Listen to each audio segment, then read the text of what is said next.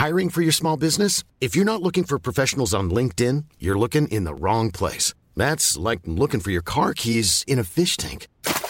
LinkedIn helps you hire professionals you can't find anywhere else, even those who aren't actively searching for a new job but might be open to the perfect role. In a given month, over 70% of LinkedIn users don't even visit other leading job sites. So start looking in the right place. With LinkedIn, you can hire professionals like a professional. Post your free job on linkedin.com slash people today.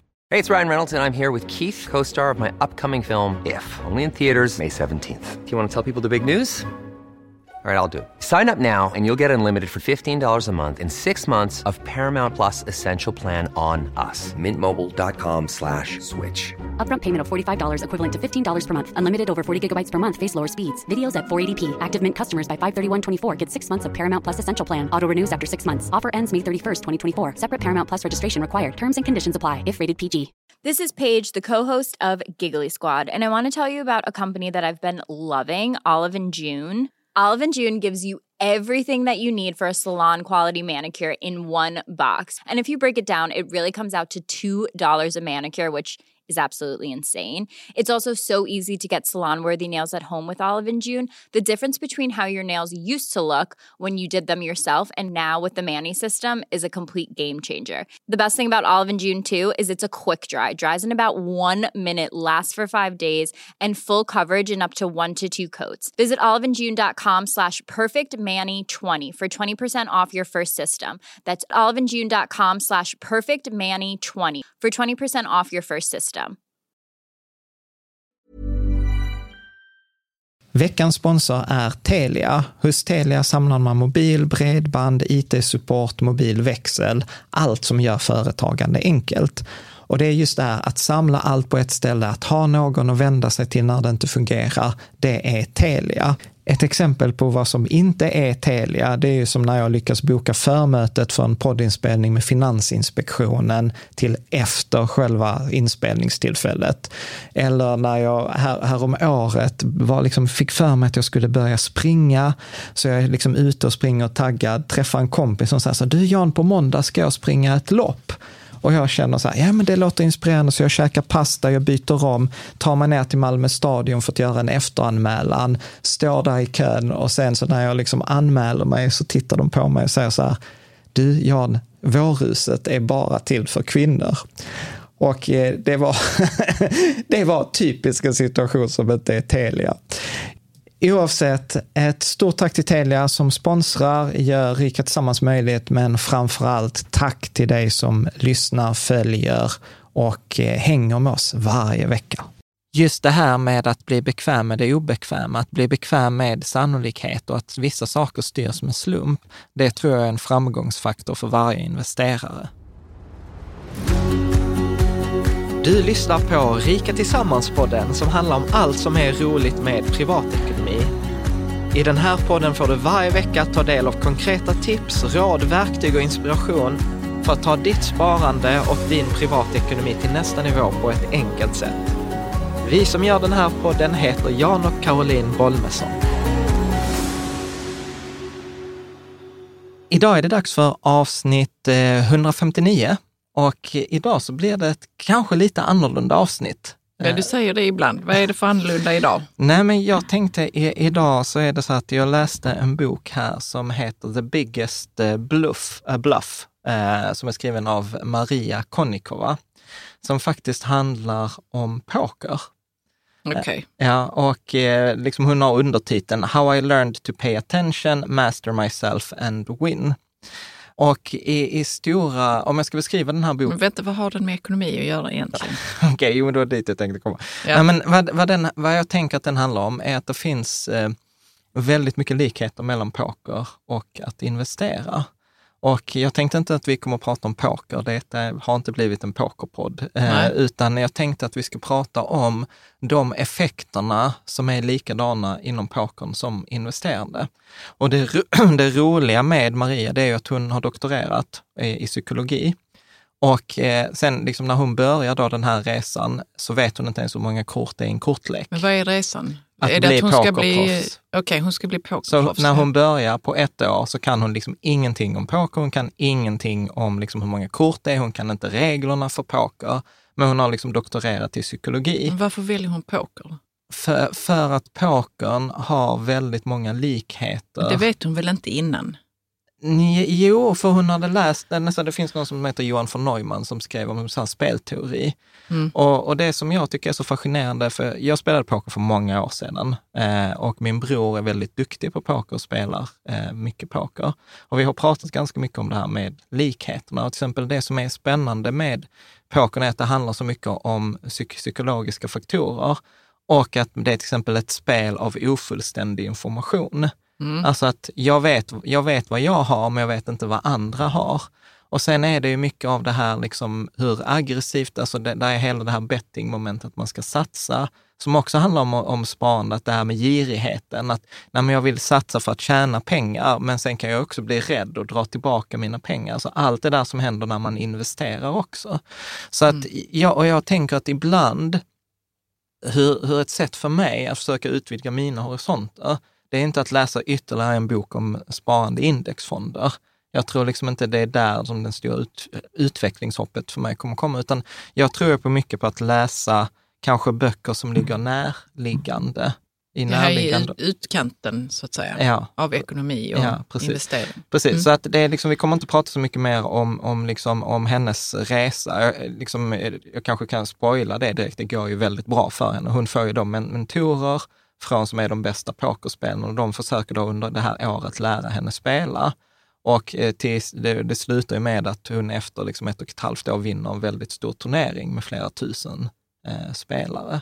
Mm. Och, och jag tycker liksom hela den här liksom resan, där hon också skriver, där hon hela tiden gör parallellerna mellan livet och pokern. Hon liksom lärde sig spela poker, där hon hela tiden blir överkörd, till när hon då sen har en förhandling, de ska, för hon är en journalist också, liksom, så hon skriver för The Atlantic och för massa andra tidningar. Och hur de vill att hon ska skriva en, eh, en artikel. Och hon bara sa, nej men jag har inte tid just nu. Att hon bara liksom så här, jag bara synade vad de hade, liksom vad de skulle göra. Och sen så fick hon mycket mer betalt. Så att det är väldigt mycket paralleller Ja, men jag gillade det just sista poker, du sa, där, att man kan livet. syna och få mer betalt. Ja, för hon sa Ja. så här, ja men jag bara som i pokern så pratar man så här, ja men jag bara följer med i potten, jag ser vad det Mm. blir. Jag, jag synar inte eller liksom, och jag, blir- jag höjer, jag är inte aggressiv i den, men jag, jag Mm. vill se vart detta tar vägen. Mm. Så att det är mycket, liksom, så jag Ja, tänkte, nu är jag intresserad. ja vad skönt. Ja. Så att jag tänker att i dagens eh, avsnitt så blir det liksom så att lite inspiration, för hon ställer ju sig frågan så här, vad är syftet med att spela poker? Och eh, liksom det är faktiskt de insikterna, den diskussionen kan man vi verkligen direkt föra över på investeringar. Vi kommer att prata om ganska många psykologiska effekter i detta avsnittet, eftersom hon är ju psykolog. Så att det är roligt, för när man läser hennes bok så, är det liksom, så skriver hon om sin, liksom så här, händelser som har skett vid bordet och sen kommer direkt så här, ja men detta är Dunning-Kruger-effekten eller detta är eh, description experience gap eller detta är liksom Ja, ja. de här Mm. psykologiska effekterna. Så vi kommer prata om... termer för vad som sker i, Ja. i henne eller Ja, precis. vid bordet. Ja, Mm. eh, och de påverkas vi som investerare, eller jag kände igen mig väldigt mycket från investerande i exakt de här Så, och psykologiska vad, effekterna. vad tänker du att det är bra att förstå? Alltså, det, jag, tycker allt, jag älskar när man namnger saker, för då Ja. har man liksom distingerat att det är detta det handlar om. Ja, Men, men det är också då att man distanserar sig till det som händer. absolut. Men Lite det, är hennes, men det är ju hennes grej, liksom, att hon är ju både journalist, så boken är ju fantastiskt välskriven, men sen är hon ju psykolog och hon, har liksom, hon, hon, hon refererar ju till sjukt många studier som har liksom gjorts och hon pratar med de här forskarna. Hon till och med hittar så studier som inte har publicerats. Eh, Liksom där hon pratar om de här liksom slutsatserna. Mm. Och det, det är liksom allt. Eh, det var någon, jag lä- jag läste ju, jag har ju läst vad andra har skrivit om boken och det var någon som skrev också att det är ganska roligt för att det är en, det är en feministisk bok skriven på ett icke-feministiskt sätt också. För hon har ju upp, tar upp massa saker som till exempel så att män bluffar ofta 6% mer mot kvinnor eller mot spelare som har en kvinnlig avatar, alltså en logo eller ett Ja, när man spelar namn. poker online. Ja, Mm. trots att de liksom så sen förnekar att de skulle spela annorlunda mot kvinnor eller Ja, eh, men sånt kan vi aldrig veta vad vi sysslar med. Det är intressant ju. Eh, Eller hon skriver något som jag tyckte som är lite så jobbigt för mig som har två döttrar, jag kanske blir en sån här pappafeminist, var till exempel att eh, aggressivitet hos män i en anställningsintervju eller liksom i, i, i företag ses som potential, medan aggressivitet hos en kvinna ses som något väldigt, väldigt negativt och bestraffas.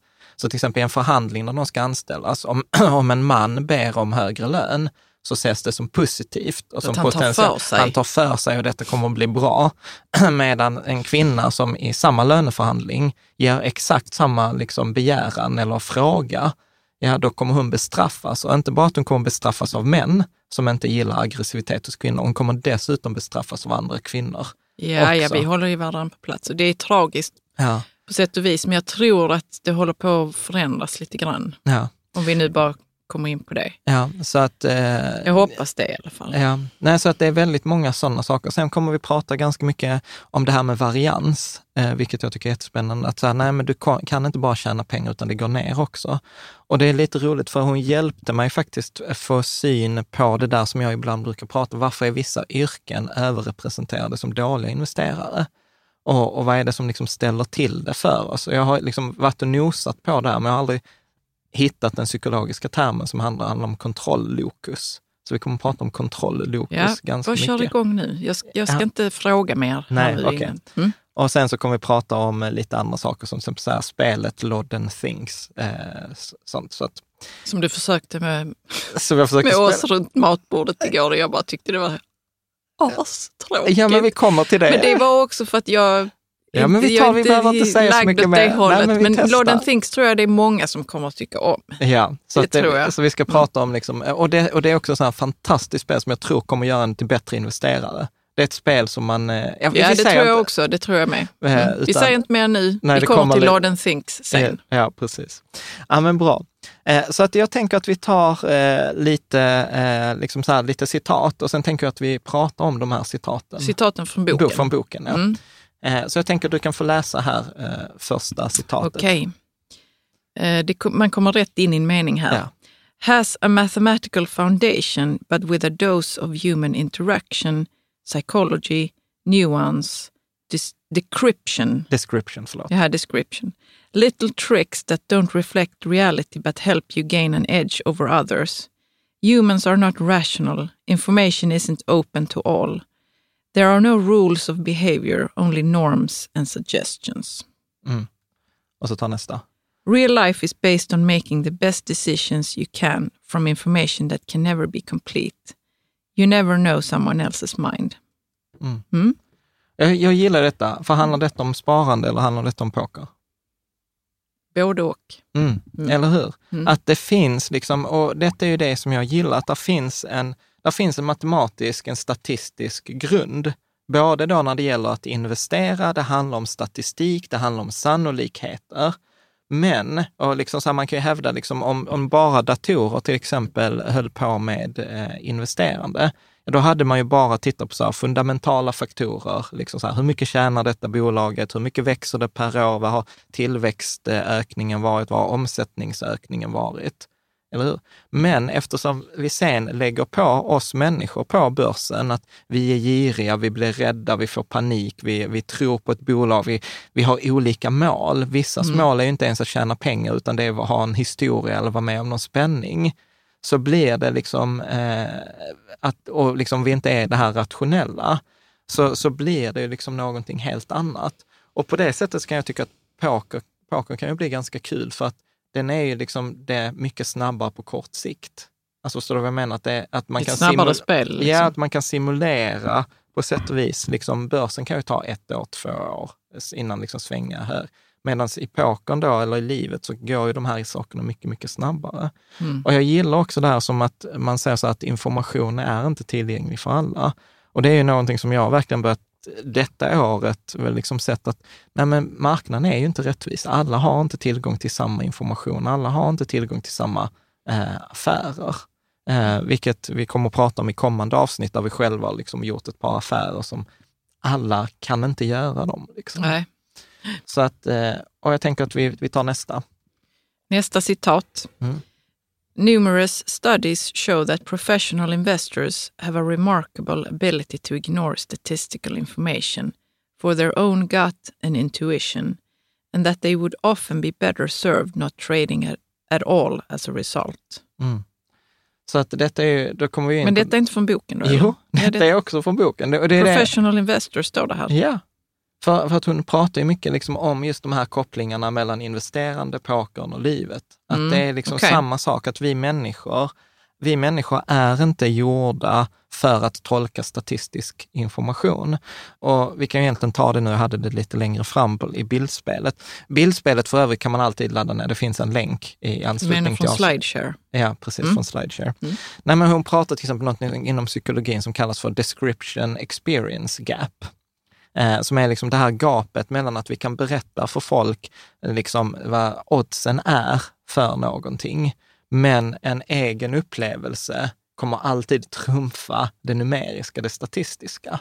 Ja. Så att till exempel så här, man kan, hon använder eh, exemplet till exempel att eh, folk som eh, köper gärna strandtomt ända tills de har varit med om en översvämning till exempel. Eller eh, ja, men om man har träffat, varit med om terroristdåd, hon är ju från New York, så skriver hon så här, ja men du vet sannolikheten för att halka i duschen och slå sig och göra sig riktigt illa är mycket högre än sannolikheten att liksom utsättas för terroristdåd. ja. Men vi är mycket mer rädda för det där terroristdådet för att vi människor, liksom så här, det spelar, jag kan säga till dig så här, sannolikheten att träffa på en tiger i denna delen av landet är en procent.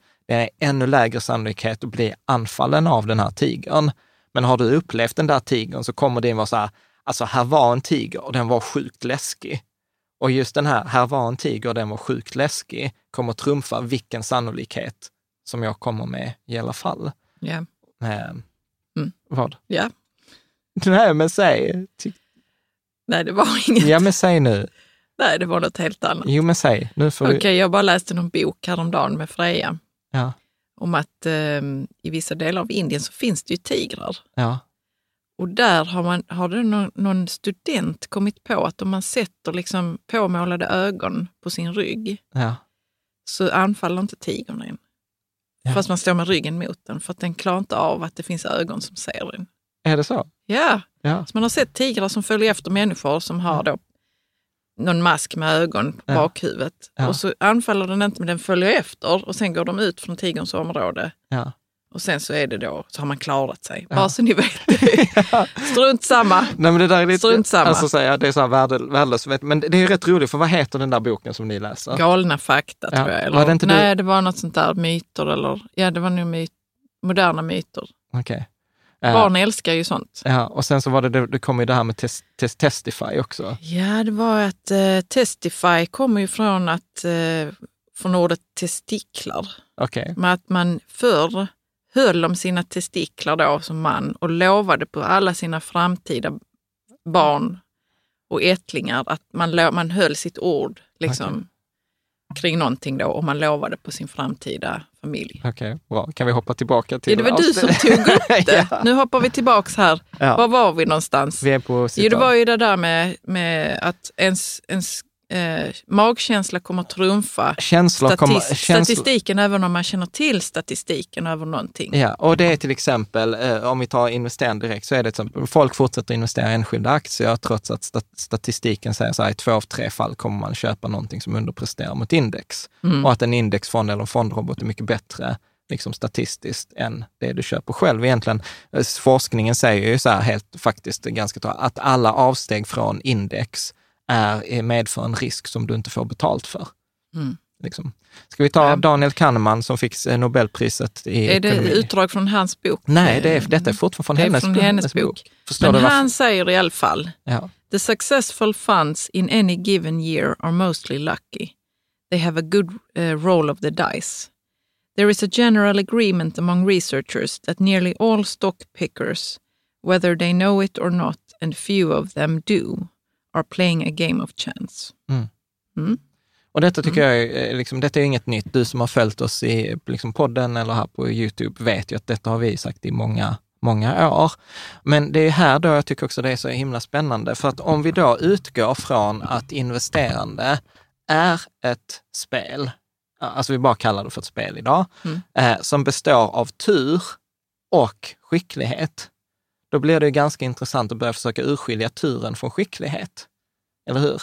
Vilket är någonting som en pokerspelare naturligt måste förhålla sig till. Ja. Att man, man har både tur och skicklighet. Och, och, och det är mycket renare i pokern för att alla är medvetna om det. Ja. Medan när det gäller investerande så tror jag inte att det är lika väl urskilt Nej, det är av så alla. himla mystiskt varför vissa, vissa är liksom framgångsrika och varför andra inte är det. Alltså man Ja. har inte urskilt det alls, tycker jag. Ja, och, och, och sen så kommer där liksom eh, då eh, alltid massa, massa liksom motiveringar liksom till det här. Men jag Mm, tänker, I efterhand. ja, Ja. Så, så, att, så att jag, och det är därför jag kan tycka detta är återigen spännande, att då besöka, okej, men i pokern så, så är man så tydlig med detta är tur, detta är skicklighet och hur kan man då spela oavsett? Mm. Liksom. Mm. Så jag tänker eh, här att eh, när i boken så, ställer, så får hon då en mentor som heter Erik Seidel som har spelat så poker i liksom 40 år, som anses vara liksom en av de bästa liksom spelarna. Och då, då ställer han, eller han skickar henne på en kurs där hon får frågan, då, så, vad är syftet med att spela poker?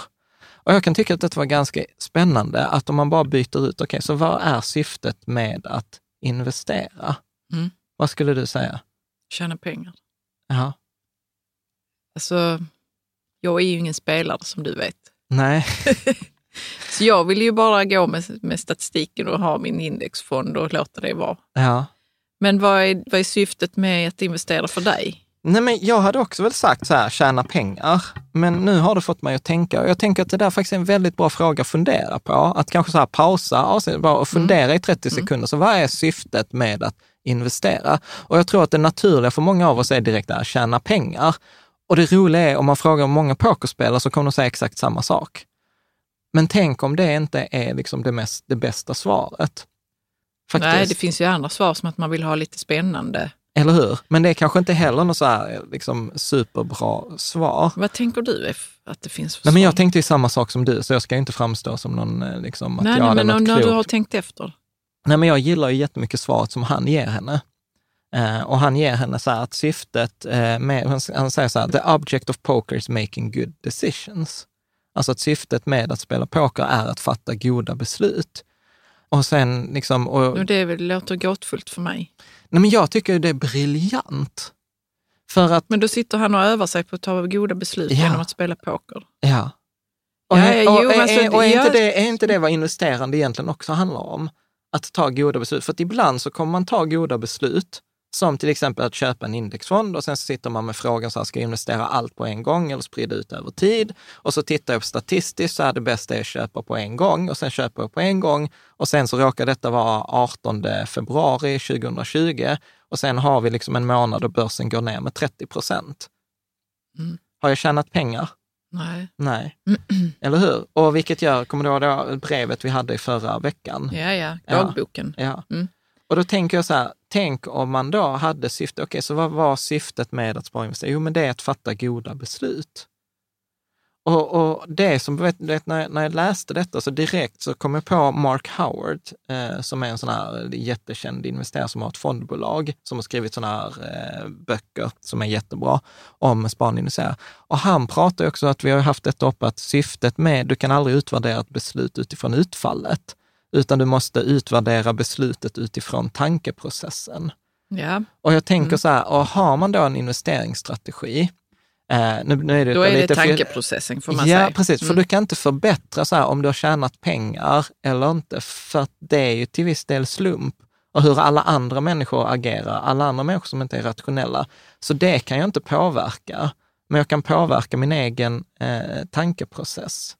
Ja. Make sense? Mm. Vad tänker du? Ehm. nej, men jag tänker att... Eller jag hade någon tanke innan, men den försvann. Okej. Men- det kommer tillbaka sen. Ja.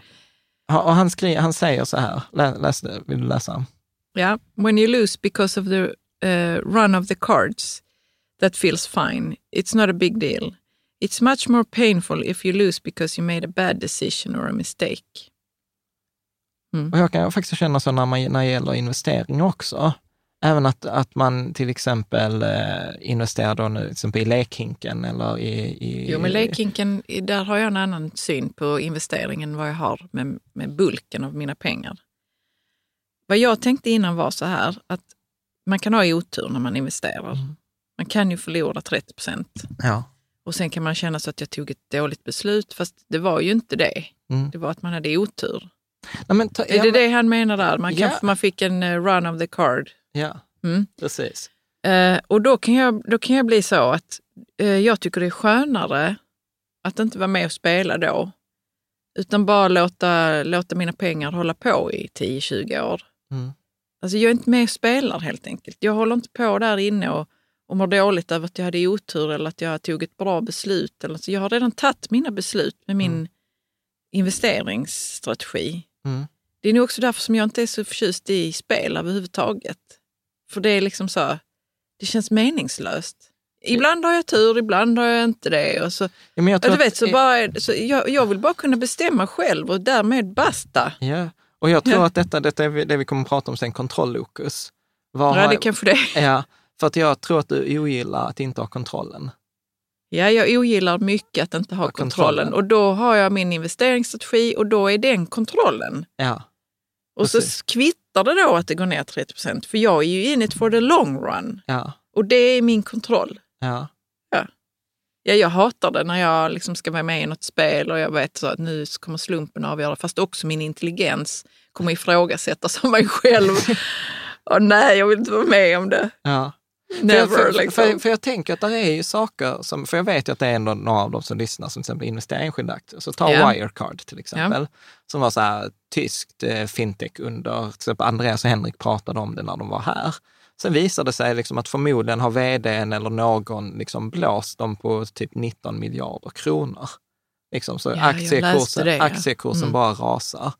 Och då menar jag på så har man då investerat i Wirecard, ja, det är ju svårt att förutse att någon har liksom Ja, varit svårt. bedräglig. Och då Mycket menar jag svårt så, att då, då är det ju som ett run of the cards. Mm. Men om jag har haft en bra tankeprocess innan jag investerade i Wirecard så får jag väl bara liksom säga, okej, nej men det funkade inte denna gången. nej, Liksom jag, absolut. ha- jag hade liksom, ja, det kan man kan säga att det inte är ditt fel.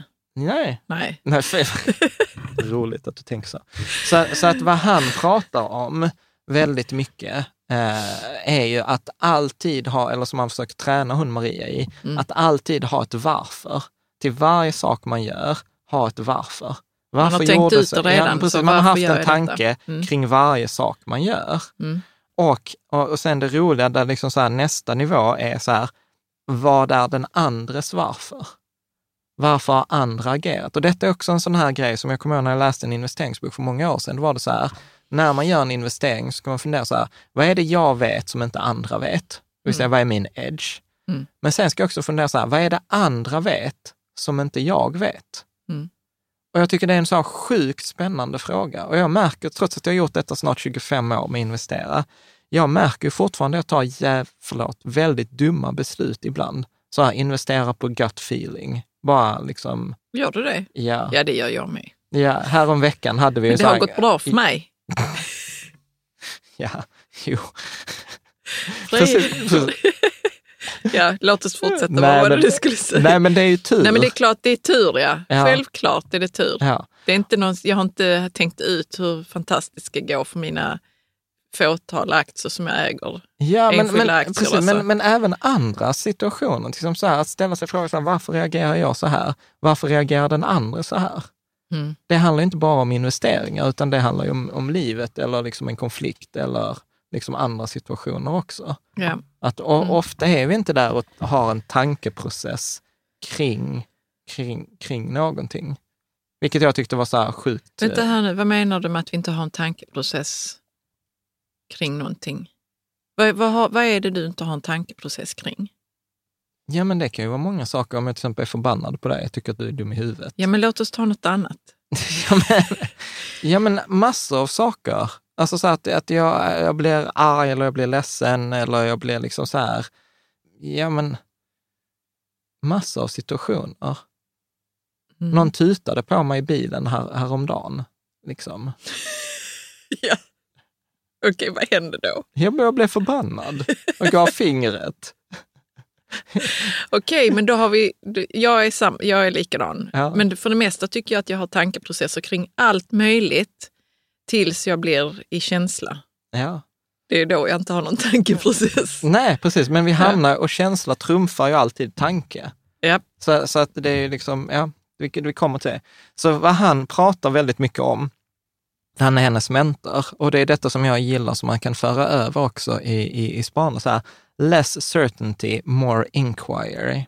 Mm. Där han, där han liksom säger så här att poker och då enligt mig investera handlar om att bli bekväm med osäkerhet och slump. Liksom. Och ja, det är sjukt spännande ja, att bli bekväm med det. att bli Ja, för det händer ju i livet hela tiden. Ja, och, och slump händer ju mycket mer än vad vi, vad vi vill tro. Mm. Att vi vill ju gärna tro att det är vi som påverkar vårt liv och, och sånt här, men där är ju ändå en ganska stor liksom så här, faktor av, av slump.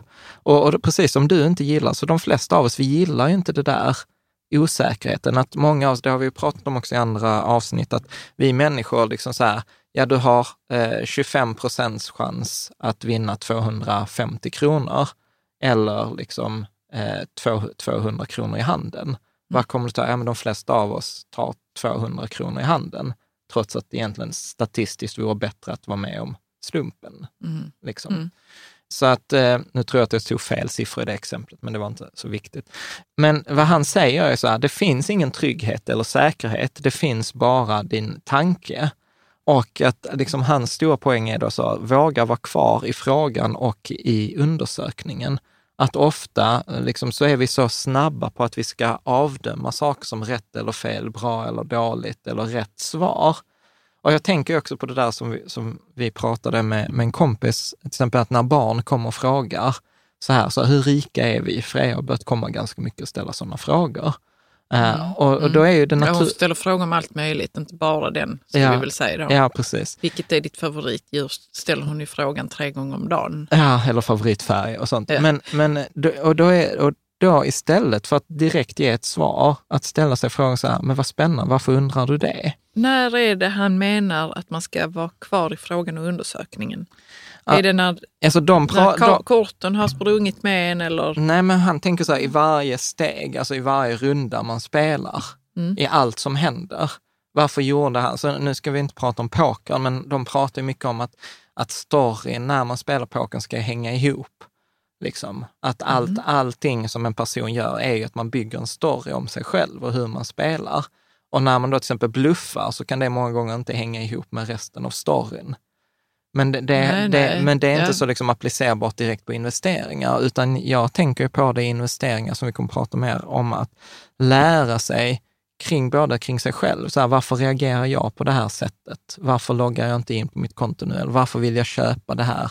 Vad är det som gör att jag hör detta tipset och så agerar jag? Eller liksom att, jag, ja, men jag tror att, liksom så att inte vara så säker på saker, för att detta går också i linje med någonting annat som jag brukar tänka som låter så här, assumptions is the mother, are the mother of all fuck-ups. Mm. Alltså det vill säga att det är det som gör, ofta det som ställer till det för oss i vårt liv är inte det vi inte vet om, utan det är det som vi tror är på ett visst sätt som sen inte är så. Och det är ju därför som jag hela tiden liksom så här ifrågasätter, ja, men är till exempel indexfonder, är det det bästa att göra? Så att jag inte har liksom, okej, det var bra nu, men tänk så har någonting ändrat som gör att det inte är bra längre. Har jag då bara gjort en assumption, antar jag, indexfonder är bara det du ska ha, då stänger man ju alla andra dörrar och då blir man ju väldigt utsatt Ja, ja, ja absolut. tänker jag.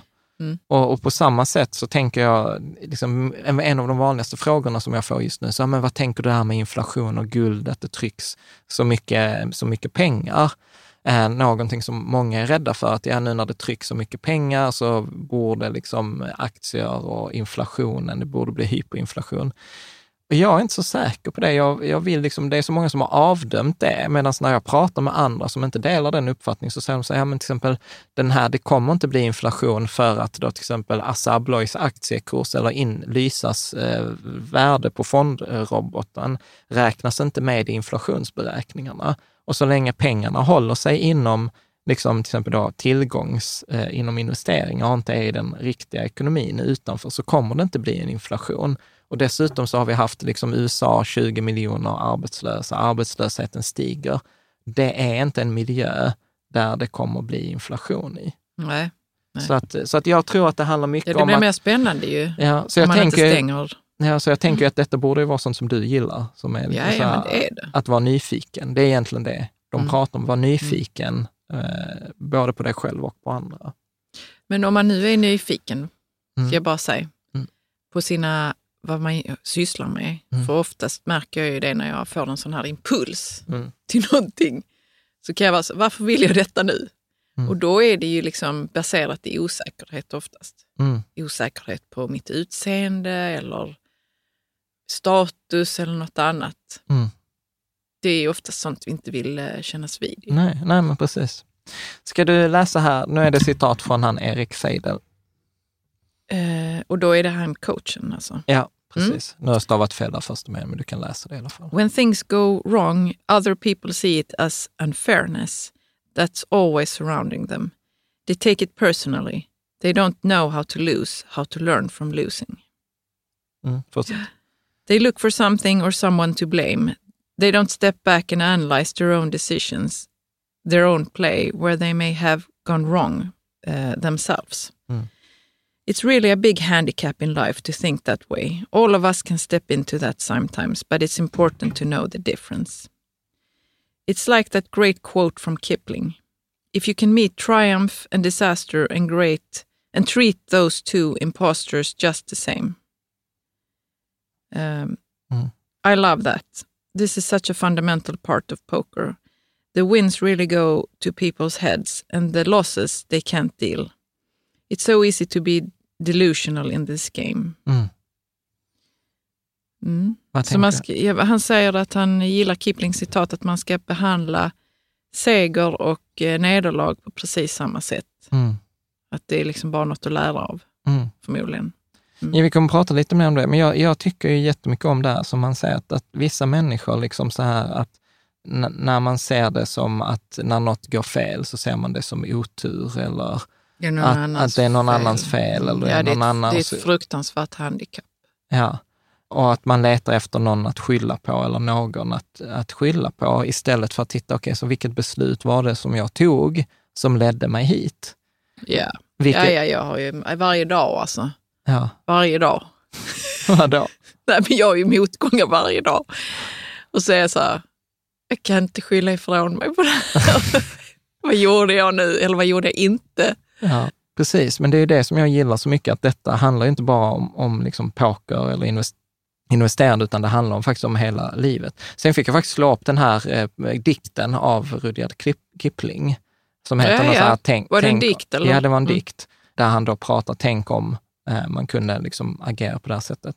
Eh, och Han fick ju Nobelpris i litteratur. fick han det? Jag förstår det, när man läste, när man läste var så här, mm, detta är Han bra. har skri- skrivit Djungelboken. Ja, men eh, ja, jag har aldrig förstått hans storhet, men skitsamma. Jo, men det är väldigt vackert språk. Ja, jo. Mm. Ska vi ta nästa?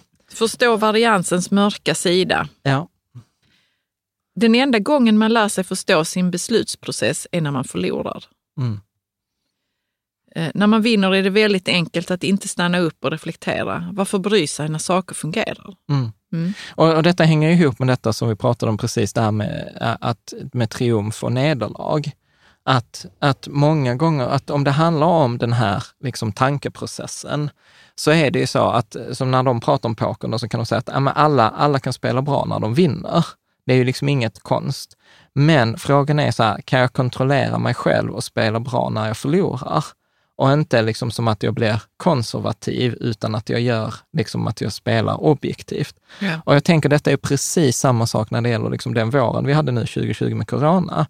Ingen som, ing, det är ingen konst att vara en duktig investerare när allt går upp. Eller hur? Vad man än köper som vi har haft tio års uppgång. Utan tricket är ju att vara en duktig investerare när det vänder. Det är ju där liksom så här, och det finns ju så många ordspråk om det här, att det är då man ser, eh, när vatt, tidvattnet försvinner så ser man vem som har, vem som har badat utan badbrallor. Eller Vem, ja. Så att jag, och detta tänkte jag också på att, att jag gillade det som man skrev, att okej, så när jag förlorar, när jag går back, vilket jag, vi fortfarande ligger i våra liksom, vissa portföljer back, kan jag fortfarande vara en duktig investerare? Kan jag fortfarande hålla mig till min strategi? Kan jag fortfarande göra de sakerna jag sagt att jag ska göra? Vilket jag till exempel tänkte på också det här av förra avsnittet med investeringsdagboken med, med Mattias, som var så här, man hade en plan och det var så lätt att avvika från planen, man höll sig ändå till, till planen. Ja. Och där, där kommer ju liksom det här klassiska Mike Tyson-citatet, att alla har ju en plan fram tills man får ett slag i ansiktet. Och, och, det, och då säger han till exempel Erik då att ja, men det är först när du går igenom en månad, när allt går fel, som du kommer du veta om du har det som krävs eller inte. Mm. Har det som krävs för att... Ja, men för att lyckas. För att vara en Mm. duktig investerare, eller vara en duktig pokerspelare, Mm. eller vara duktig i, i, liksom i livet, eh, eller vara vd, eller, eller Ja. vad som helst. Mm. När det går bra så är det ju ingen konst, Nej, eh, nej precis. tänker jag. Mm. Eh, och, och sen så pratar han väldigt mycket om då att, så att ja, men när det kommer till inlärning så är Triumph då den riktiga fienden och The Disaster läromästaren. Och, men dock eh, så ska man då ändå komma ihåg att båda två är ju påhitt. För att båda två, både liksom, eh, att, att investera liksom på kort sikt, så är det ju liksom att när jag tjänar pengar så är det slump. När jag förlorar pengar på kort sikt så är det också slump. Så att båda två är egentligen bara slump. Men vi gillar inte den här eh, liksom, eh, slumpgrejen. Och det var faktiskt ganska intressant, för då gör, då gör hon då ett sidospår, författaren, och då säger hon så här till exempel att vår intuitiva uppfattning om slump är ju så här att om vi, om vi singlar slant tio gånger, vad borde vi liksom få? Ja, hälften hälften. Eller hur? Ja. Och, och, och så kommer det vara om vi gör det en miljon gånger. Men om vi skulle ta här ett mynt och singla slant eh, tio gånger så kommer vi inte få 50-50. Nej, Eller vi kan få så här 8-2 eller 7-3 Absolut, eller absolut. liksom eh, så här.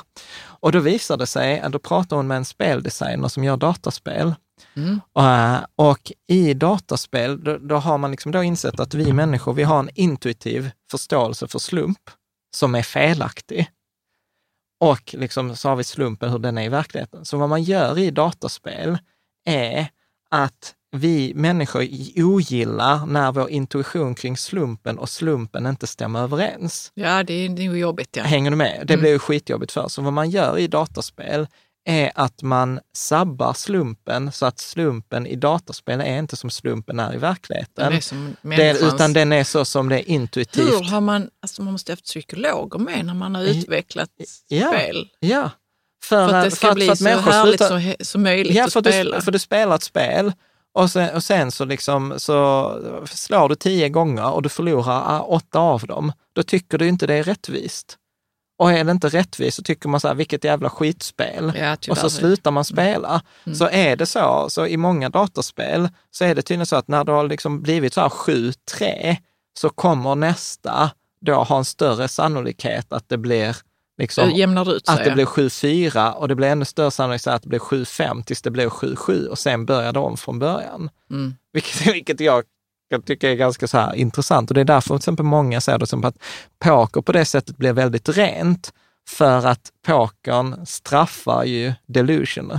Alltså den Ja, straffar gör den. den här, ja, den här liksom, eh, vår felaktiga uppfattning om slump.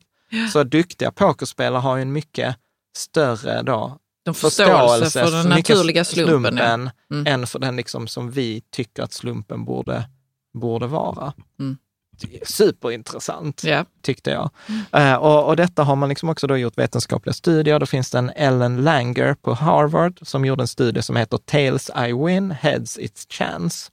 Där man eh, gjorde en studie där man tog studenter i tre grupper och, eh, och sen så ska de slumpa mynt. Men vad de inte visste var att det var riggat.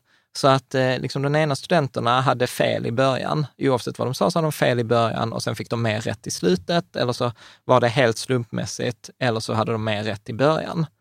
Och så visade, och sen ställde hon frågor så här, så är detta något som du skulle kunna bli bättre på? Ja. Ja, och då svarar de som hade rätt i början, svarar att detta, hade de gjort detta ett par gånger till så hade de naturligtvis blivit mycket bättre på det. Vilket är Men, helt vänta, men, men ointuitivt. vad de gjorde var att singla Singla slant. slant. Men de kan inte bli bättre på det. Exakt! Men de var helt övertygade om att de kunde bli bättre på det, för att man hade ju rätt och det tilltalade ju liksom sin, Ja. titta här, nu har jag gjort Ja. detta tio gånger Ja. i, i, i, i rad. Mm. Så att det, ja, jag tycker det är liksom så här sjukt. Men eh, de som hade fel i början kände inte att de nej, kunde bli bättre. nej, nej, precis. Så att, så att Det är det, sjukt intressant. Det kan man verkligen tillämpa på livet. När vi får motgångar hela tiden, när vi ska lära oss något nytt, så Ja. vill vi ge upp. ja. ja, men vi tycker ju liksom... Vi alltså, tror inte vi kan ju- bli bättre, det är nog kört alltså. Ja, alltså hon, hon citerar till exempel Don Quixote, eller Don Quixote, att där är det också att, jag har inte läst den boken faktiskt. Vilken? Don Quixote. Don Quixote. Don Quixote. Mm. Jag menar att han, han, han har väl massa otur. Och, och så skrev han något, Ja, han är väl en riddare som, som fäktas mot eh, delusions. Liksom. ja. Och så, och så, så är det något stycke till när han säger så här, nu har vi haft otur så länge, så nu är det nog vår tur att liksom få tur. Och det är ju liksom så att det är delusion. Fast han är, han är galen tror jag. Ja, Ja. men, men där är ju det här Och att... vi är ju också galna. Ja, för att vi tror att när vi har, när jag har haft otur så, Så, tror, pass länge, då så måste nu jag... borde jag ha tur. Mm. Liksom. Ja. Mm. Så att det, det tycker jag är liksom så väldigt spännande eh, också. Sen så pratar han om någonting som ett, ett koncept som han kallar pick your spots, som jag också tycker applicerar på investerande direkt. Ska Ja, du, då läser jag här. Det är han Eric Seidel. mm. Eller på- Maria, jag vet inte. Någon av dem. Ja. The point of winning over the long term and winning as much money as possible with your best hands all, all the while losing as little as possible with your worst. Mm. Och jag tänker detta applicerar ju på sparande direkt Mm. också. När, när det gäller kanske lite mer, när vi pratar mer aktivt, då till exempel lekhinken eller liksom när man får vissa möjligheter, att det handlar ju om att försöka liksom se det långsiktigt, eller hur? Och sen när man gör dåliga affärer, som man kommer göra från tid till annan, liksom så här, cut your losses short, liksom. Att, Ja. att minimera skadan från det som gör dåligt. Och vi kommer alla göra dåliga, eh, dåliga eh, affärer. Mm. Ja, ska jag ta nästa? Uh, in order to do that, you need to learn to pick your spots. Know when to be aggressive and how to be aggressive. The passive player doesn't win, and the scared player who always thinks someone can beat him doesn't win. But the openly aggressive player doesn't win either. You have to be a strategist. Mm. Mm. Och jag, gillar, jag gillar ju detta jättemycket också, för detta återigen, detta handlar inte bara om poker eller investerande, detta handlar om livet. Nej, men du kan inte gå igenom livet att vara passiv och tro att liksom det bara är till för någon annan.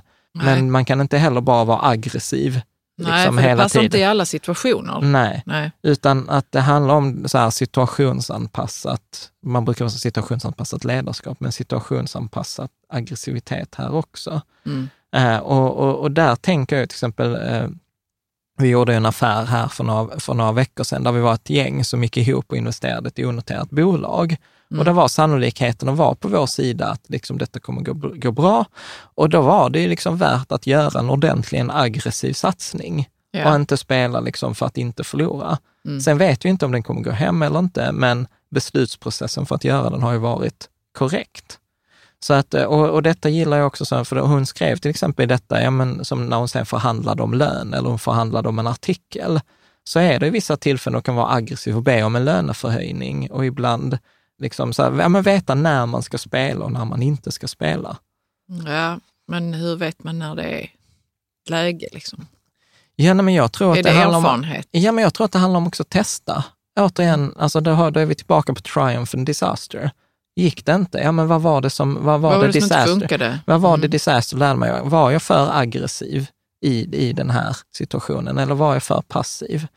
Och återigen, där blir ju så här, pokern en mycket bättre läromästare än investerande eller liksom så här, hur många föreläsningsförfrågningar får jag på ett år eller hur många liksom så här, jämfört med eh, när du spelar poker där du får liksom hand efter hand efter hand efter hand efter hand, där du kan varje, spela varje hand passivt, aggressivt eh, eller inte. Mm. Medan det är kanske svåra investeringssammanhang.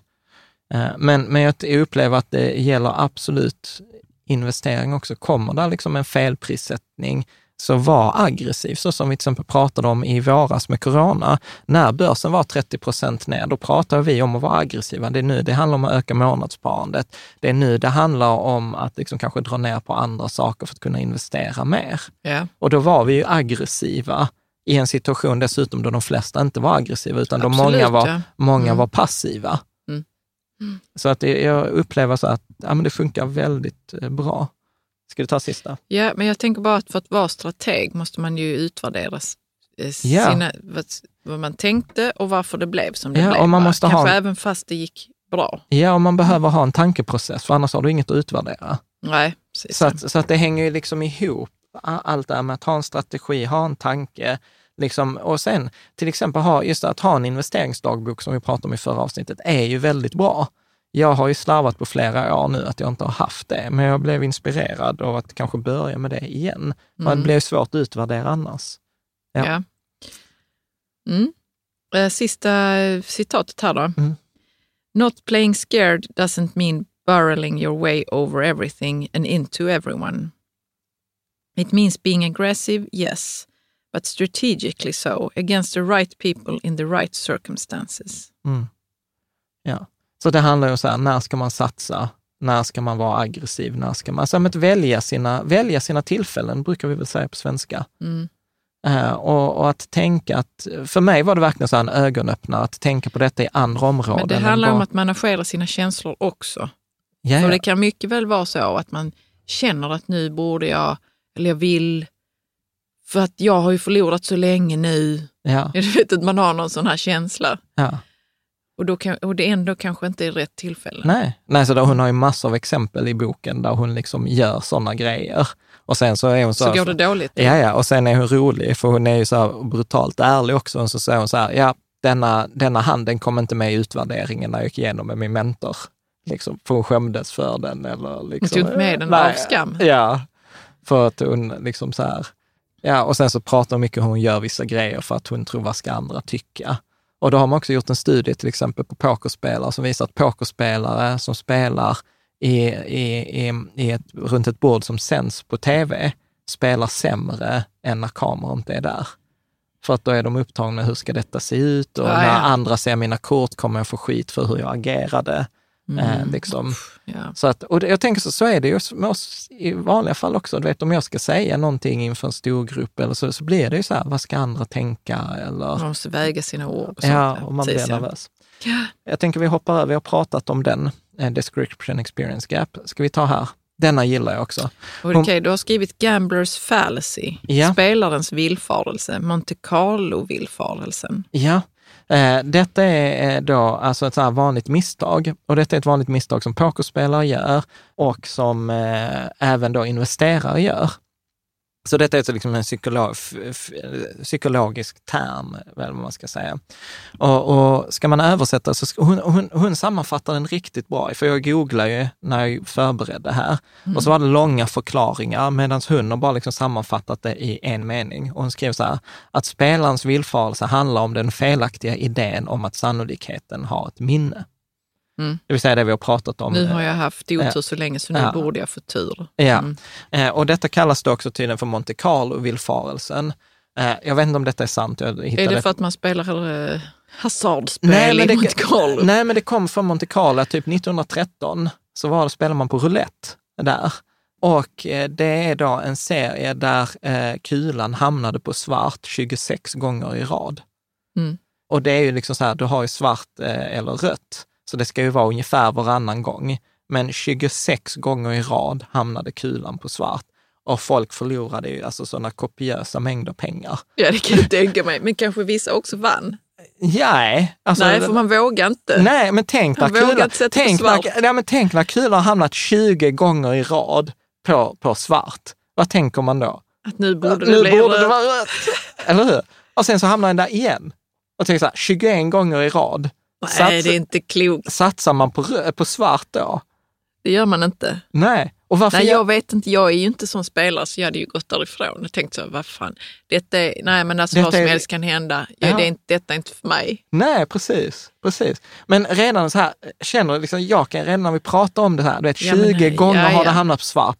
Det är inte som att jag tänker att nästa är Nej. 50-50. Och jag kan tänka mig också att folk har stått där tillsammans och bara tänkt så detta är inte, det är inte klokt. Ja, nu Eh, måste det komma. De har tagit sin drink till och bara nu måste vi. Ja, Nej. ja, Och sen den här kollektiva, ja precis. ehm, precis. att det förstärks kollektivt.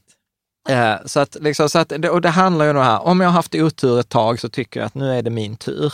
Eh, och sen är det ju detta som vi pratade om, att i vårt huvud så är ju sannolikheter normalfördelade. Så vi, vi gör liksom misstaget att ett, att vi tror att sannolikheten har en minne, det vill säga att eh, har det hamnat på svart 20 gånger så kommer den ihåg att den har varit på svart 20, nu borde det vara rött, men där finns ju ingen. Hon säger så här, probability has amnesia. Alltså sannolikheter har minnesförlust. Och jag tyckte det var så här, fan, det där kommer kom man ihåg. Eh, och sen så tror vi nästa också att det är normalfördelat. Att liksom om vi slår 10 gånger eller 100 gånger, då ska vi få 50-50.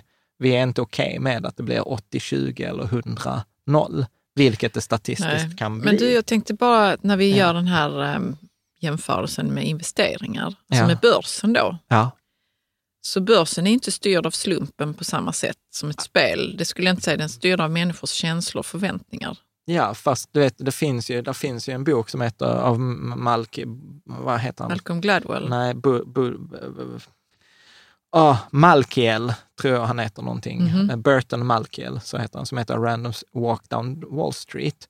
Där han argumenterar ganska mycket för att eh, börsen är ju på kort sikt så är den ju liksom slumpmässig. slumpen? Okej. Ja. Mm. Så att man kan absolut argumentera för att börsen på kort sikt är slumpmässig. Eh, Mm. Sen, sen, är, sen är kanske, och, och det är väl det som är intressant, att jag tror att börsen går upp 52, 52 procent och ner 48. Så att där är en liten edge Mot att, mot att gå Att det upp, mot, mot att det går upp. ja, okej, mot att det går upp. Och ja. det är den långsiktiga, det är precis som i kasino. Att till exempel i roulette så är det ju så, har jag för mig, att, eh, att huset har, att det är en av de här 36 som huset som ingen vinner på. Ja. Eh, och den här, en av de här 36 gör att kasinot går plus på roulette. Att en liten, väldigt liten sannolikhet över lång tid gör en ganska stor skillnad. Mm. Men det är det vi liksom inte normalt förstår. Så att vi försöker översätta sannolikheter. Att något så som något borde vara i det lilla, så borde det vara i det stora också. Men så är det ju då inte. Nej. Och eh, sen också är, är det intressant att vi tillskriver då slump olika betydelse. Att om jag har en slump där jag har liksom tjänat mycket pengar över tid, vilket då kommer jag ihåg Daniel Kahneman som fondförvaltare, då säger vi att den här fondförvaltaren är het eller han är duktig eller han, han har flyt. Eh, Man pratar om det till exempel i basket eller hot hand eller i, i, liksom i sporter. Medan eh, vi också pratar om då att man har otur. Och det är egentligen precis samma, samma Ja. grej, för det är slump, Ja. men vi tillskriver det eh, liksom olika, olika värden. Mm. Så då kan jag läsa vad hon skriver, Maria. Mhm. Sannolikhet har minnesförlust. Probability has amnesia. Each future outcome is completely independent of the past. But we persist in thinking that its memory, that is memory, is not only there but personal to us. We will be rewarded eventually if we only if we are only patient. It's only fair. Att det ska vara rätt, sannolikheten ska dessutom vara rättvis. Ja, precis. Ja. Mm. Okej, vidare här. But here's to the all human element. We are just fine with runs when they are in our favor. Hence the hot hand. When we are winning, we don't think we are due for a change in the least. In the, uh, if the run is on our side, we are thrilled to let it continue indefinite, indefinitely. We think that bad streaks are overdue to end yesterday, but no one want the good, the good to end. Men jag bara fick en sån här flash från när jag var i Las Vegas för några år sedan. Eh, på hur människor beter sig när de har flyt. Mm. Jag stod vid ett sånt här eh, bord där de spelar craps. Eh, och jag tror man spelade med två tärningar då. Och då var det ju någon som hade flyt. Man fick eh, sju eller vad det Ja. var, ett långt tag. Och de började ju liksom med ramsor och, och, och liksom och de ville ha liksom, saker på ett visst sätt på bordet och så. Ja. Och man såg också hur croupieren gav tärningar till han som hade flyt på det sättet som han ville ha, kanske ett och ett då, två Ja. tärningar. Att de skulle stå så, Ja. för då, då kände han att han fick tur innan han tog dem i sin hand. Liksom. Väldigt intressant att se hur vidskepliga människorna blev ja, runt ja. det bordet. Och, du vet, liksom. och sen är det ju så här, du vet att vi sätter att ja, men detta är min turtröja eller du vet hockeyspelare som tar på sig skridskorna på en viss ordning eller du vet man gör vissa Absolut. sina rit- ritualer. Men jag var också vidskeplig när jag stod i labbet och höll Ja. på med mina cellodlingar och skulle köra igång ett nytt experiment när jag doktorerade. Då var jag också så. Saker skulle vara på ett visst sätt, Ja, för annars skulle det gå dåligt. ja precis. Och det var ju också en så, så att man hade dukat upp allt som man skulle ha. ja. Kombinerat med vidskepligheten, att om det inte är så som det ska vara, som jag Ja. brukar ha det, så blir det dåligt. ja, precis. Ja. Bra, ska vi ta och prata lite om det här med tur eller skicklighet? För detta, vi ska prata om det som studien Mm. och kontrollen, mm. Lokus. Ja. Så att tricket där är ju så här att många gånger så tror vi att när något händer så är det Ja. ju till följd av vårt eget agerande, att det är skicklighet. Men, eh, eller är det då till följd av en extern eh, faktor, alltså tur. Eh, och då gjorde man en, en studie, då, eh, Julian Rotter 1966, eh, där då och myntade begreppet kontrolllokus eller, eh, eller kontrollfokus. Lokus kommer tydligen från latin och som är då plats. Eh, Absolut. betyder Ja. Loki. Mm. Eh, visste du det? Ja. Man använder det i DNA-sammanhang. Okej. Ja. Och eh, då, då är det då, en eh, faktor eller en psykologisk term för uppfattningen var vi har kontroll. Alltså om, är det jag som eh, är då orsaken, har jag kontroll över utgången i någonting eller är det, finns kontrollen utanför min egen makt? Det vill säga, är jag upphov till det eller drabbas jag eh, av, av någonting? Och det inre, det inre då, kontrollfokuset, jag får saker hända, då handlar det om att, så här, att mitt eget arbete ger erfarenhet, jag har färdigheterna och kunskapen för att bli framgångsrik, eller jag behöver liksom inte bekräftelse från andra, utan jag är kapabel. Medan då det externa kontrollfokuset, saker händer mig, så är det ju då utgår jag från att saker är utanför min kontroll, att mina erfarenheter, alltså det jag varit med om är ett resultat av tur eller slump, jag är osäker på min egen färdighet och, och det jag gör påverkas av andra. Liksom. Och ibland så brukar man prata om detta, är jag större eller mindre än världen? Alltså, Ja. skapar jag världen, formar jag världen så som jag vill, då är jag större än världen. Och, eller så är jag så här att jag är mindre än världen. Att liksom, jag behöver lära mig hur världen fungerar för att kunna hantera världen. Ma- Mm. Make sense? Absolut. Men är det inte en kombination? Att man lär sig hur han, världen fungerar och så hanterar man det. Eh, Jag vet Jag inte, jag tror, samma, att, jag, tror, jag tror att det är Jag tror inte det är varken eller, John. Nej. Eller så, varken det Jo, ena för- eller andra. Nej, att man är större eller mindre. Återigen, man är inte detta, men man har en preferens. Jag har till exempel en preferens till att jag är större än världen, att jag vill ju anpassa världen så som jag vill ha den. Mm. Och, och, och jag tror liksom, jag tror till exempel överens, så länge det inte är en naturlag så är det bara en överenskommelse, då kan man anpassa den. Och när man då gjort, när man gjorde den här studien och när man har följt upp den här studien så visade det sig att, och typiskt i typfallen, inte alltid, men i de flesta fall, så kommer ett inre kontrollfokus ge människor en större framgång i karriären till exempel, eller i ekonomisk framgång. Man är mer psykiskt frisk, eh, man har mer kommando över sin situation, eh, etc. Och då de som har ett externt kontrollfokus har till exempel en större risk för depression, man har ofta mer en nonchalant inställning till jobb, alltså det är liksom så här, det är inte lönt, jag kan ändå inte påverka min situation, det är upp till eh, chefen, eh, liksom etc. Ho- ho- Mm. Inge- Ja, jag lyssnar. Ja. Försöker så fundera över hur, ifall det, jag kan, ifall det är sant för mig. Ja, Mm. men då är det intressant, alltså, vad, vad hon skriver då om, är ju att, eh, och detta, detta är egentligen att detta har hjälpt mig att sätta ord på det här med kontrollfokus, för jag är en person som tror att jag kan påverka världen, att mina aktioner styr mitt resultat. Och det gjorde att i 15 år så investerade jag aktier direkt och, och liksom jag, jag skulle vara bättre än index, jag skulle vara bättre än andra sparare om jag bara läste på, la ner tid och engagerade mig. Mm. Eller hur? Ja, ja. Och sen så kommer ju den brutala liksom sanningen, så här, nej, jag underpresterar mot index. Och, och då blev det liksom så här, alltså plötsligt så insåg jag så att okay, jag behöver skifta fokus på kontrollen. Från Innan det så intern- kände du väl att det var, var, var ju djävulen. Liksom. Ja, att jag men- inte kan... Ja, men det var eh, otur, det var massa andra människors Ja, okej, fel. du och- tänkte så. Och, och sånt. Ja.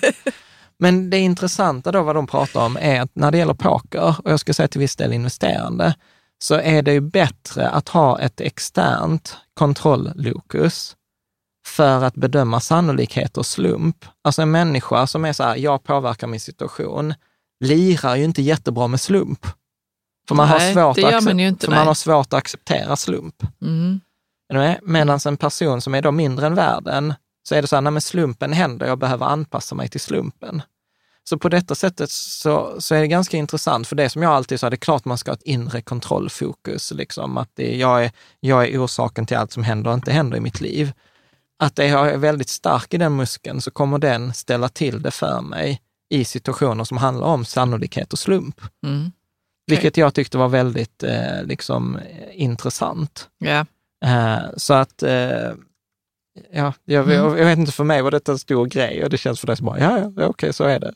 Jag ja, men det är väl... eh, Jag vet inte, jag har inte tänkt exakt på det viset med kontrolllokus. Vi har ju pratat om det, att man kan vara större än världen eller mindre. Men jag tror det är så i olika situationer. Liksom, kan man vara större än världen och andra är man Fast, inte det. ja, ja, fast jag tror att det är mer alltså default, alltså utan vi tänker på det. Ja, fast kolla här. Jag, jag har fått lära mig att i, eh, som när jag doktorerade var jag större än världen. Då skulle jag kontrollera det och jag blev väldigt, väldigt kontrollerande. Mm. Och jag trivdes i det för att jag fick, fick eh, jobba på den muskeln liksom, och kände att jag kan, jag, kan, eh, jag kan nog göra detta. Liksom. Mm. Men jag, det är inte default för mig. Mm. Jag är nyfiken på världen, den är större Du vill än förstå mig. världen, ja. Den är större än mig. Och då, i och med att jag har fått lära mig att använda den muskeln, men det är inte default för mig, så har jag bägge. Och då, har, jag kan ibland ha svårt att avgöra om det är slump eller om det är skicklighet eller så. Mm. Det, så fungerar det för mig. Nej, nej, men jag fattar. Nej, men jag, jag tror att det, det, det kommer till att sannolikheter fungerar över lång sikt, men på kort sikt så kan det gå hur som helst. Mm. Och, att, och en sån som jag, har, jag har ju liksom, jag har inte vetat att det är detta det handlar om, men det är ju detta jag har behövt anpassa mig till. Att där är liksom slump som jag inte har kontroll på. Och då Ja. får jag försöka liksom, äh, liksom att, ja men sluta ta det personligt till exempel, Mm. är ju en väldigt stor grej. Och acceptera att, acceptera att det är liksom utanför min kontroll. Mm. Jag tänker att vi rundar av med det här spelet Lodden Things. Ja. Eh, och eh, jag tyckte detta tyckte jag var en sån här kul grej, apropå eh, liksom ett, ett träningsredskap i detta Mm. med, med slump och andra, andra människor. Ja. Eh, och, eller egentligen psykologi. Då är, då är detta tydligen så här att eh, man spelar en sån här, eh, vad ska man säga, liga eller turnering i poker, då, World Series of Poker. Och då var det tre stycken pokerspelare som liksom satt och spelade och de hade ganska tråkigt. Liksom. Så då hittar, och många så här pokerspelare, de gillar ju att slå vad. Och då var det då Phil Lack, Antoni, Antonio S. Fandiri och Johnny Lodden. Johnny Lodden är då eh, norrman. Eh, och då började de två ställa en fråga till den här Johnny Lodden. Eh, och det roliga med det här spelet var att man ska ställa en fråga med ett numeriskt svar. Alltså de hade ett spel utanför sitt pokerspel. Ja, Ja. precis. Så de hade tråkigt. Så, de, så Antonio och Phil då skulle slå vad. Och de skulle slå vad vad Johnny Lodden då tänkte om en fråga. Så att, då ställde de liksom en fråga så här, hur, hur gammal är Clint Eastwood? Ja. Eh, och, sen, och sen så bettar de inte på hur gammal Clint Eastwood är, Utan utan, vad Lodden tror. utan vad Lodden tror att hur gammal Clint Eastwood är. Mm. Vilket blir ju ganska intressant. För plötsligt blir ju så här, det rätta svaret är ju ganska irrelevant. Ja. Det var därför jag inte gillade spelet. Ja, precis. Så, eh, och, och sen så går det ju till då att då ställer den ena ställer då en fråga med ett numeriskt svar, till exempel hur gammal är Clint Eastwood? Och då säger den, en, den, den första till exempel 20. Mm. Och då kan den andra säga så här, nej men jag tror att Johnny tror att det är högre. Och så säger man, okej men jag är 25. Och då kan den andra säga så här, nej men jag tror att det är högre och säger 30 och så går det över till den andra. Och någonstans så kommer man till ett svar där man säger så här, nej men jag tror att det är, jag synar. Till exempel så, så är svaret då eh, till exempel 75 och, och då vill jag inte höja mer än 75 utan då säger jag, men jag synar. Så är svaret då 74 eller lägre så vinner jag, är det högre så vinner den andra. Ja. Så Eh, har Lodden skrivit på en lapp vad han har trott. Ja, ja, och vi gjorde ju detta spelet igår när vi spelade, när vi käkade middag med vår dotter. Mm. Där vi hade frågor allt från hur långt är avståndet från i mil från solen till jorden. Eh, och du, du tyckte ju detta var väldigt frustrerande. ja, men jag har lite svårt att se poängen med sådana här spel. Ja. Men om du skulle Jag vill anstränga... ju veta hur långt det är. Ja, Men istället pratar vi om någonting som någon trodde hur långt det var. Så Ja. var jag så, tråkigt. ja, Men jag, jag kan tänka mig att det finns många som tycker just sådana här spel kul. och vad, vad skulle du säga När är man får syftet? liksom vad, vad, dra in en tredje part, vad tror den? ja, Alltså att den är, det är den som sitter på något slags svar. ja.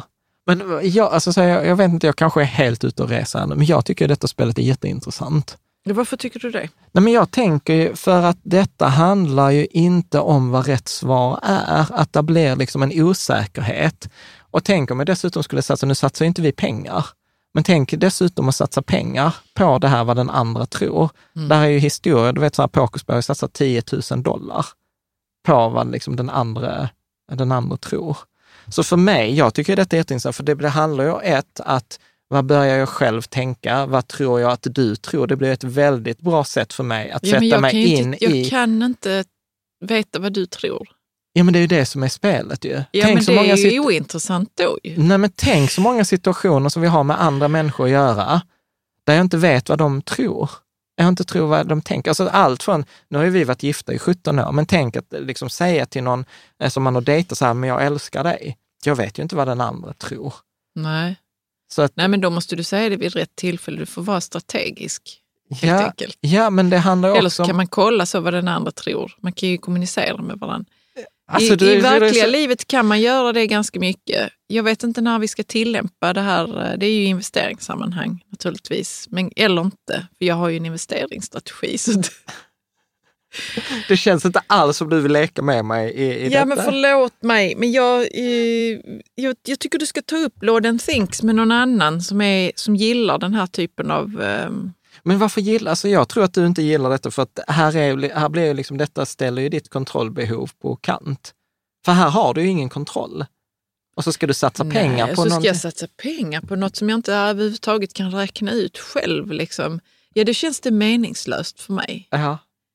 Kan du se försvarsreaktionen innan så här, bli bekväm med slump och bli bekväm Ja, med... men just det tyckte jag var- verkar vara väldigt spännande. Och Men sen när jag ska- tänkte då på Lord and Think så tänkte jag så, men jag har ju inte en chans att... Hur ska jag kunna jobba med, med att bli bekväm med slump? Och så, alltså jag har ingen aning om hur det ska gå till eftersom jag är så obekväm med Lord and Think-spelet Mm, och bara vill gå därifrån. mm. Jag vet inte. Men Ja. du tyckte det var kul. Ja, Jag tycker det är jättekul. Jag, tycker, Vad är det som är kul? Berätta för mig. Ja, men jag, jag tycker att det är kul för att det blir... Man behö, jag behöver träna andra färdigheter än att, liksom så här, min hjärna också, när ni ställde den frågan, för det var ju ni som ställde frågan, hur långt är det mellan solen och jorden? Mm. Så är ju mitt naturliga att jag vill börja räkna och komma fram till rätt svar. Man vill ha, nå, li, ligga inom någorlunda rätt. Ja, Och det är inte det som är grejen ens. Nej. Nej. nej. Utan, Skitsamma liksom. Ja, det är ju vad Freja tänkte som och- var det som var och, intressant. och tänk om detta handlar om det som vi pratade om förra veckan också, att, att investera handlar om att tjäna pengar, inte ha rätt. Mm. Ja, tänk om detta är en sån där grej också, att det handlar inte om att ha rätt, att ha rätt på de där fundamentala faktorerna kring ett företag, utan att detta handlar om vad tror andra om det här företaget? Eller vad tror andra om den här investeringen? Jo, ehm, jag tror vi hade ett samtal du och jag när jag var så här, men jag vill inte investera i det här, det här går utanför vår investeringsstrategi tycker jag. Mm.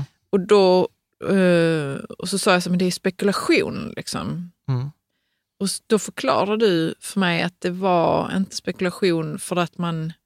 Jo, det var en Ja, spekulation. det var en spekulation men det var inte i företaget, inte utan i företaget. Nej, utan för jag började andra- så, men vad gör det här företaget egentligen? Vad har, du, har det någon produkt som folk vill ha? Då sa du, men det är inte ens intressant i sammanhanget därför att det är vad folk har för förväntningar på det Mm. som spelar roll just i denna situationen när vi investerar. Mm. Så du kan, jag kan förstå Lord and Thinks-spelet i verkligheten där. Precis, alltså, alltså det, i poker pratar Då man blir så det här- intressant. Ja, alltså spela inte, du, du kan inte, för att bli framgångsrik i poker så räcker det inte att du spelar med dina kort. För du Nej. kommer inte få tillräckligt bra kort i tillräckligt hög utsträckning, utan du måste spela andra med deras kort. Men du vet ju inte vilka kort de har. Och på samma sätt så gäller ibland investeringar, att ibland så är inte investeringen det enskilda företaget och den fundamentala analysen, utan då är det vad folk kommer tro om det där. Och, och sen kan man ju också, Mm. i vissa fall, eh, till exempel bitcoin för två år sedan eller tre år sedan, då var det ju så här, detta kommer ju gå upp och jag var så här, jag vägrar ta i det, för jag vet att folk kommer göra, och jag vill inte tjäna pengar på andras, på andras bekostnad på det sättet. Så att jag tror att det är jätteviktigt att träna sig i vad är det andra tror. Liksom. Eh, Ja. Spännande. Vi får, vi får se om du som lyssnar eller tittar har en annan åsikt här om Lord and Things. Men jag tyckte det var så här, wow. Sen var det roligt också, för de hade en episod där han, Eric Seidel, spelade med någon annan. Och då ställde de frågan så här, hur, stor, hur mycket pengar vill Lodden ha för att aldrig mer ha strumpor på sig? Mm. Liksom. Och, och då visade det sig då att eh, den här lodden, då säger han så här 160 000 dollar. Så för att aldrig ha med sig på sig strumpor. Och då Erik Det var inte mycket. Nej, och han Erik Seidler var så här, Alltså jag känner ju, precis, du vet, han, han går på gym och så här, han ska aldrig ha strumpor på sig. Så han var så här, jag var sjukt sugen bara ge honom 160 000, låta honom lida resten av livet, att han inte skulle få gå med strumpor. Vilket jag, jag tyckte var kul. Ja. Eh, bra. Men kan du inte lägga ut eh, reglerna för Load and Think så kan andra så också kan- spela spelet? Ja, men, Runt det, matbordet. ja, men så, precis. Så i grunden är det så här, man behöver vara tre spelare, två som ska satsa, en lodden. Man ställer eh, en fråga till lodden, lodden skriver ner svaret. och det ska vara ett numer- numeriskt ett tal, numeriskt tal. Så- siffra. Och det kan vara frågor som, som de hade ett exempel så, hur många på detta kasinot har mördat en annan person? Alltså så här, Mm. Så det kan vara spännande frågor också Ja. som spicar upp spelet. Ja, Mm. och den som, har då, den som har ställt eh, frågan får inte börja, utan då börjar den andra och då säger den till exempel, ja men 10. Mm. Och då kan jag antingen race, alltså säga Säger så, 15. men jag tror det är fler. Ja, Jag tror att Mm. det är 15 och sen så går turen över till dig och då kan du säga, men jag tror att det är 20. Eller så säger du så här, nej men jag tror att det är lägre. Mm. Och när det är lägre då slutar bettingen och så tittar man på svaret. Och är det då lägre än det som du har sagt så vinner du, är det högre så vinner jag. Så kan man satsa pengar på Så det. poängen är att man ska satsa pengar. Ja, såklart. För, för att Always. a- annars blir det ju liksom inte den här psykologiska stressen. Nej. Liksom. Ja, sen är det en massa andra grejer. Vi har pratat om det här med män och kvinnor. Sen var det faktiskt en grej som jag gillar också, en mening som man skriver så här. Telling bad beat stories is like dumping trash on your neighbor's lawn. It just stinks. Men vad är bad beat stories? Alltså när man har förlorat. Att berätta om när man förlorade? Ja, och så här krigshistoria. Du vet vilken otur jag hade. Jag köpte Evolution Gaming och den gick ner. Eller liksom. Okej, och det tycker de då att det, Det är dumpa, som att du dumpa dumpar skräp på, ens... på någon annans gräsmatta. Liksom. Mm. Så att jag tyckte det var ganska fint sagt. Eh, nobody likes a shit dumper. Nej. var det så. Mm. Gött, detta blev ju lite längre än vad jag trodde att det skulle bli. Jag hoppas att det var intressant. Det var jätteintressant. Tycker du det? Mm. Okej, jag får vara så här, lite, så här, lite steg i sidled, men, men ändå tycker jag det var det. hyfsat Mm. relevant. Eh, det jag tycker är roligast just nu är ju vår Rika Tillsammans-community på Patreon. Där, eh, det är ju för dig som vill ha extra material, där ger vi ibland sådana här börstips där man kan vara aggressiv. Vi har digitala fiket Nu har vi två stycken planerade, faktiskt ett med Niklas, eh, vår kompis, som pratar om börsintroduktioner. Eh, och sen så kommer vi prata om krediter, investeringar i krediter, som är sånt där ganska område som jag inte har tagit i så himla mycket. Och det roligaste är för att vi kommer göra det med en kille som heter Ludvig, som precis som vi investerade fram till 2008. Men när vi sen slutade investera och började prata om indexfonder, så var han så här, nej aktier verkar man ju bara bränna sig för, så började han fokusera på krediter. Så vi kommer ha en sån här digital fika tillsammans om krediter, investeringar i krediter, vilket kommer vara superintressant, tänker jag. Så ett eh, stort tack för eh, idag. Och sen tänker jag så här, vi får se om vi kommer ha ett sommaruppehåll eller inte. Eh, vi har Nej. inte haft det tidigare sommar, men jag tror att vi kommer kanske ha det denna sommar, kanske två eller tre veckor. Eh, Ja, ingen lång tid. Ingen lång tid, men Nej. det känner jag behöver lite paus. Eh, upplever. Det har varit Mm. lite mycket på sistone. Men vi får se. Så att jag kan inte säga att vi ses nästa vecka, men kanske om två eller tre veckor syns vi ju garanterat. Så tack för idag. Tack.